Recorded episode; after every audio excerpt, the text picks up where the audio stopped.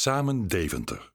Een podcast van Raster over samenwerken aan krachtige buurten in Deventer. Presentator vanuit de mobiele podcast is Eelco Visser. Welkom bij aflevering 15 van onze podcast Samen Deventer. Waarin oudere activiteitencoördinator Judith Elders 10 vragen vanaf de werkvloer beantwoordt. Facilitair manager Rini Kamp uiteenzet wat sociaal ondernemen voor ons betekent. En Tamara Tichtelovend van Sam Co. en Annabeth Zorgdrager van de Kledingbank vertellen over een wel heel bijzonder samenwerkingsproject. Maar nu eerst. Bestuurderspraat. Bestuurder Jolanda Knorren duidt de actualiteit.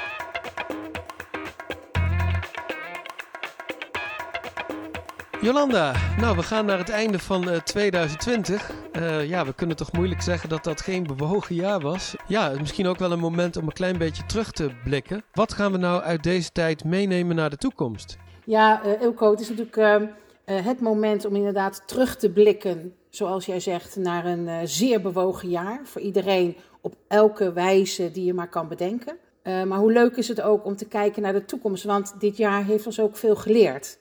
We hebben gezien dat we zaken anders kunnen vormgeven. Er zijn andere samenwerkingen tot stand gekomen en er zijn andere manieren gevonden om elkaar toch te kunnen, kunnen bereiken, om toch iets voor elkaar te kunnen betekenen, om toch aanvullend te zijn. En als ik zie hoe vooral bijvoorbeeld uh, kinderen betrokken zijn bij de samenleving, bij ouderen, bij mensen waarvan zij denken dat zij iets uh, kunnen betekenen, dat ze daar ook initiatieven nemen, ja, dat is natuurlijk uh, dat is geweldig.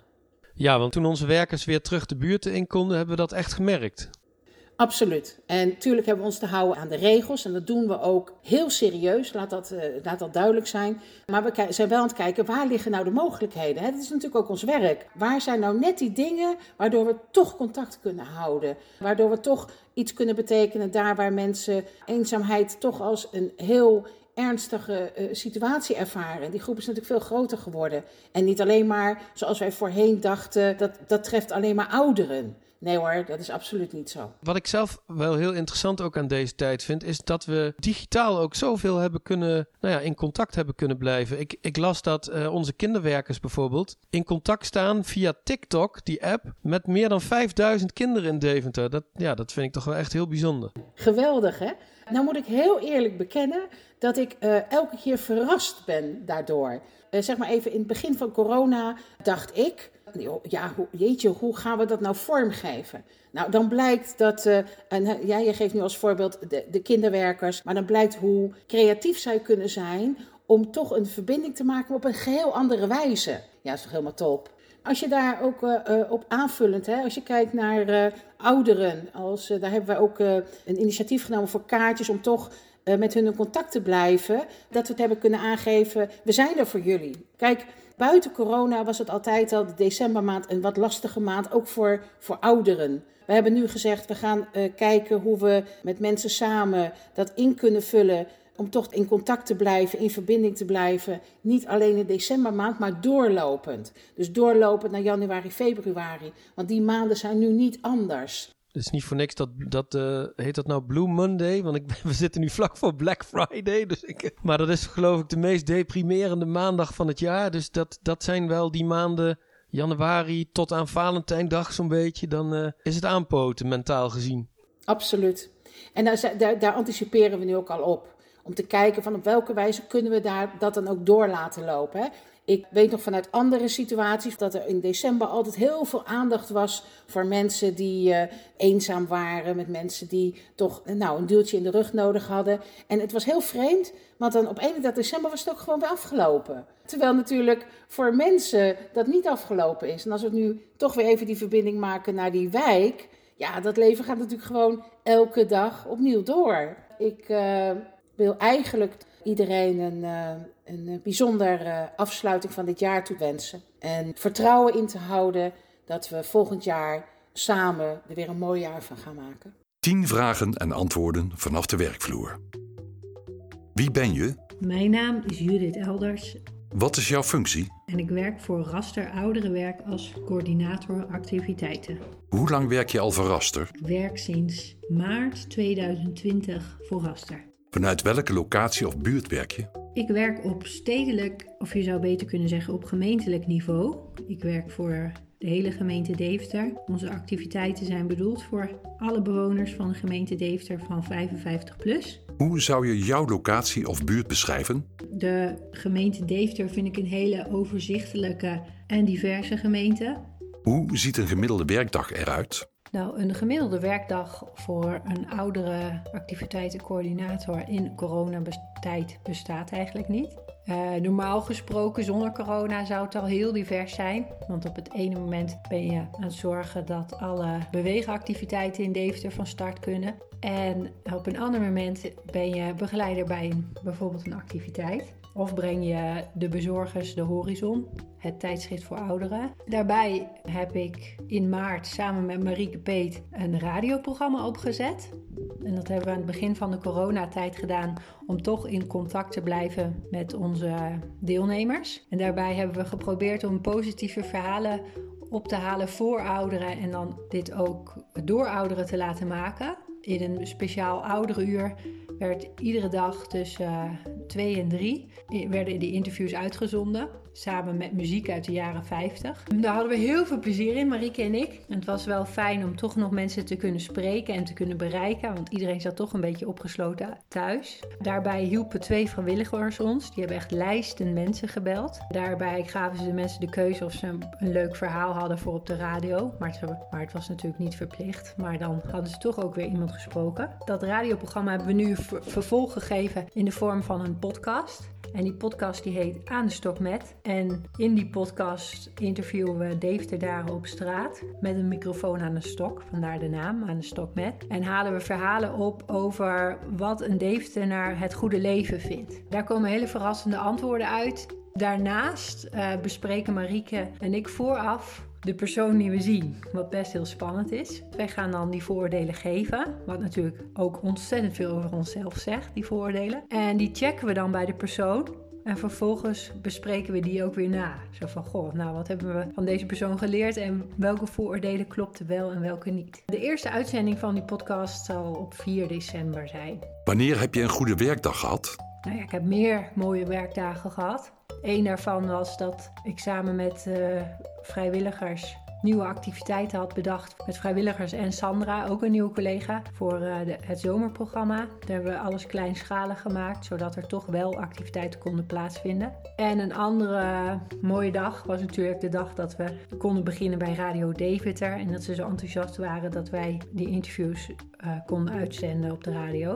Wat wil je aan het einde van dit jaar in je werk bereikt hebben? Ik hoop dat er dan zoveel mogelijk activiteiten wel doorgegaan zijn. Want ik merk, en dat zeggen de docenten ook, dat het voor sommige mensen echt het houvast van de week is. Dat je één keer in de week toch met een groep mensen bij elkaar iets sociaals kan doen en samen kunt bewegen, dan kan dat je echt net door de week trekken. En ook dat Wilma Meijer, mijn collega, ook nog wat reguliere activiteit heeft kunnen uitvoeren. Zoals dat bijvoorbeeld naar de bioscoop of naar de schouwburg of de film. Want die worden ook erg gewaardeerd. En natuurlijk ook dat we er allemaal gezond doorheen komen. Dat is het allerbelangrijkst. Mentaal en fysiek.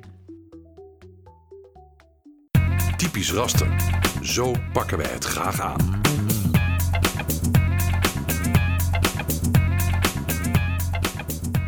En in typisch raster praat ik met Rini Kamp, facilitair manager van Raster. Rini, welkom.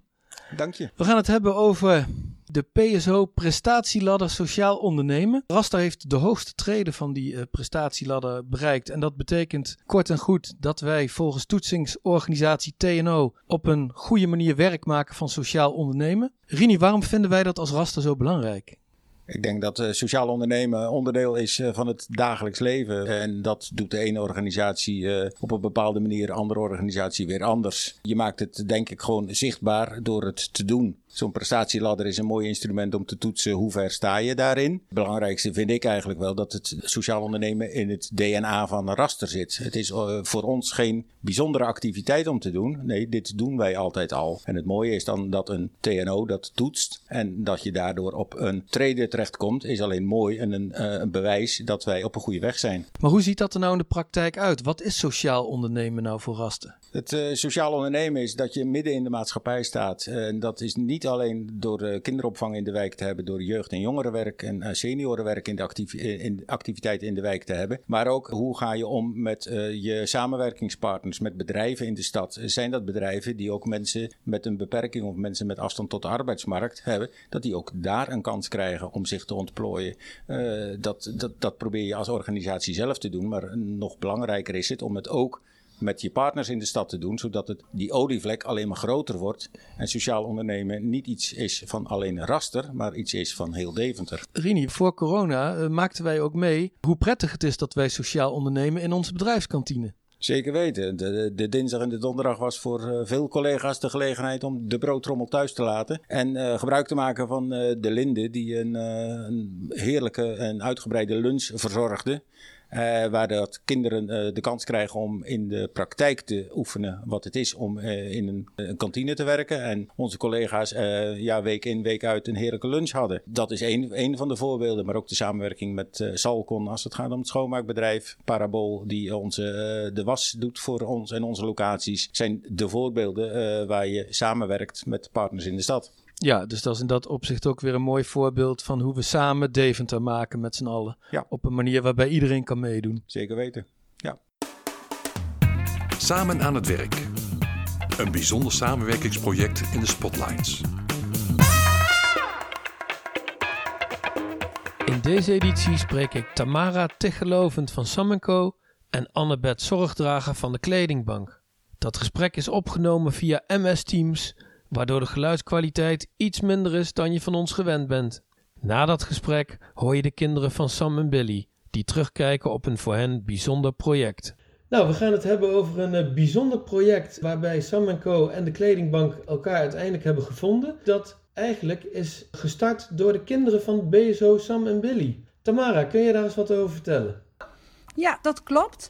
De kinderen hebben bij ons een um, complexe opdracht gekregen. Waarbij ze een kunstwerk moesten gaan maken voor een goed doel. En dan mochten ze zelf het doel uitkiezen. En uiteindelijk hebben ze gekozen om een project wat we al eerder hebben gedaan, om dat verder uit te breiden. En dat is geworden dat ze spijkerbroeken wilden gaan verzamelen voor de kledingbank. In de vorm van een kunstwerk waarin ze verzameld konden worden. Moet je me toch even helpen, want hoe ziet een kunstwerk eruit waar spijkerbroeken in verzameld kunnen worden? Nou, ze hadden eerst het idee om het in een soort van regenton te gaan doen, om dat te versieren. Maar ja, kom maar eens aan een regenton. Uiteindelijk hebben ze een grote vierkante doos gevonden en die hebben ze beschilderd samen met eh, een kunstenares. En daar is een hard geworden spijkerbroek opgezet. En er zit een soort uh, klep in waar ze ingestopt kunnen worden. Waar kwam het idee vandaan bij de kinderen om spijkerbroeken te gaan inzamelen? Nou, we hebben het gehad over wat is een goed doel en waar zou je wat voor willen doen. En uiteindelijk kwam het te sprake dat door corona, uh, ja, de kinderen noemden het heel mooi, dan was er veel armte. Maar ze bedoelden armoede, ze hadden daar wel iets van gehoord. En dat is het mooie ook van een complexe opdracht. Daar kun je kinderen veel in meegeven. Hoe ga je samenwerken? Uh, hoe los je dingen op? Hoe maak je afspraken met mensen? Wie moet je bellen om dingen te regelen? Dus ja, dat is echt mooi als je zo'n opdracht kunt geven aan de kinderen. Uh, uiteindelijk zijn de kinderen en is de opdracht uh, ook uh, verbonden geraakt met de kledingbank. Kun je daar eens wat over vertellen? Hoe is dat tot stand gekomen? Ja, natuurlijk. Wij kregen een ontzettend leuk en enthousiast mailtje binnen op ons info-account. En dat had Tamara aan ons gezonden met de vraag of wij contact met elkaar konden hebben over een project wat de kinderen graag wilden doen. En um, zodoende hebben Tamara en ik contact daarover gehad. Van goh, we willen heel graag uh, spijkerbroeken gaan inzamelen. En hebben jullie die ook nodig? Nou, spijkerbroeken zijn bij ons niet aan te slepen. Dus we zijn altijd heel erg blij als we spijkerbroeken krijgen. Daarnaast he heeft Tamara ook mogelijk gemaakt dat we een keer uh, gebeld hebben met de kinderen. En de kinderen hadden ook echt leuke vragen bedacht. Wat voor soort spijkerbroek uh, mag het zijn? Mogen het alle kleuren spijkerbroeken zijn? Mogen er gaten in zitten? En dat was een hele leuke, want ik denk dan gelijk aan een kapotte spijkerbroek. Maar er bestaan tegenwoordig ook modieuze gaten in broeken. En ik vond dat ze daar heel goed over na hadden gedacht. En heel erg omgevingsbewust waren met het project waar ze mee bezig zijn. Ik vond dat heel hartverwarmend en heel erg uh, liefdevol. We zijn natuurlijk dit jaar een uh, poosje hebben moeten sluiten vanwege de totale lockdown. Zodra het kon zijn we weer open gegaan en we merkten een toename in aanvragen. Wat kinderen dus uh, armte noemen, uh, zien wij in onze omgeving zeker toenemen. Het hield in dat de wachtlijsten aan het uh, oplopen waren, waardoor we dus ook vrij snel door onze kleding heen waren, zeker aan het begin. En we merkten dat het steeds meer aandacht kreeg. Verborgen armoede, ook in Deventer, is zeker aanwezig. Het is niet fijn als je in een korte broek naar school moet uh, als het koud weer wordt of als je geen winterjas hebt. En ook met dit soort ontzettend leuke acties, waarin kinderen al heel jong omgevingsbewust zijn en uh, keuzes maken om een goed doel te ondersteunen. Ja, dat, dat vind ik alleen maar echt heel erg mooi en bewonderenswaardig dat Sam en Billy daar tijd aan besteedt, dat project begeleidt. En uh, de kinderen daarin ook hun keus zelf hebben kunnen maken. Welk doel willen we ondersteunen? En ik zeg altijd van de kledingbank voor en door Deventenaren worden wij mogelijk gemaakt. En dat is wel echt superleuk om te zien dat dat ook op jonge leeftijd al begint. Kun jij nog even kort vertellen waar ze meer te weten kunnen komen over de kledingbank? Ja, natuurlijk. Dat kan eigenlijk gewoon heel erg simpel op onze website www.kledingbankdeventer.nl. Wij verstrekken uh, kleding aan mensen middels een uh, doorverwijzing.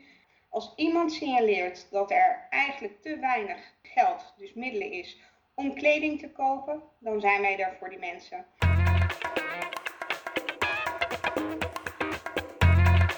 Kun je mij iets vertellen over het project? Uh, nou, we hebben een hele grote doos en daar hebben we een kunstwerk op gemaakt.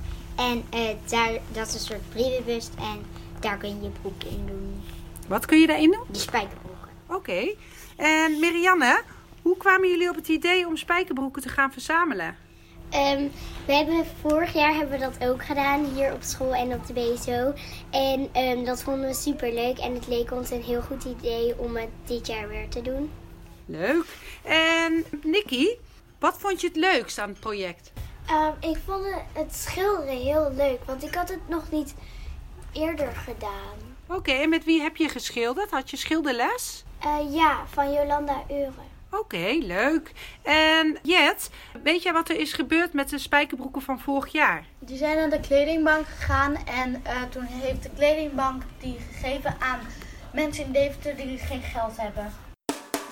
U luisterde naar Samen Deventer. Een podcast van Raster over samenwerken aan krachtige buurten in Deventer. Wilt u meer informatie over rasterwelzijn en Samenco? Bezoek dan onze website www.rastergroep.nl. Wilt u reageren op deze podcast?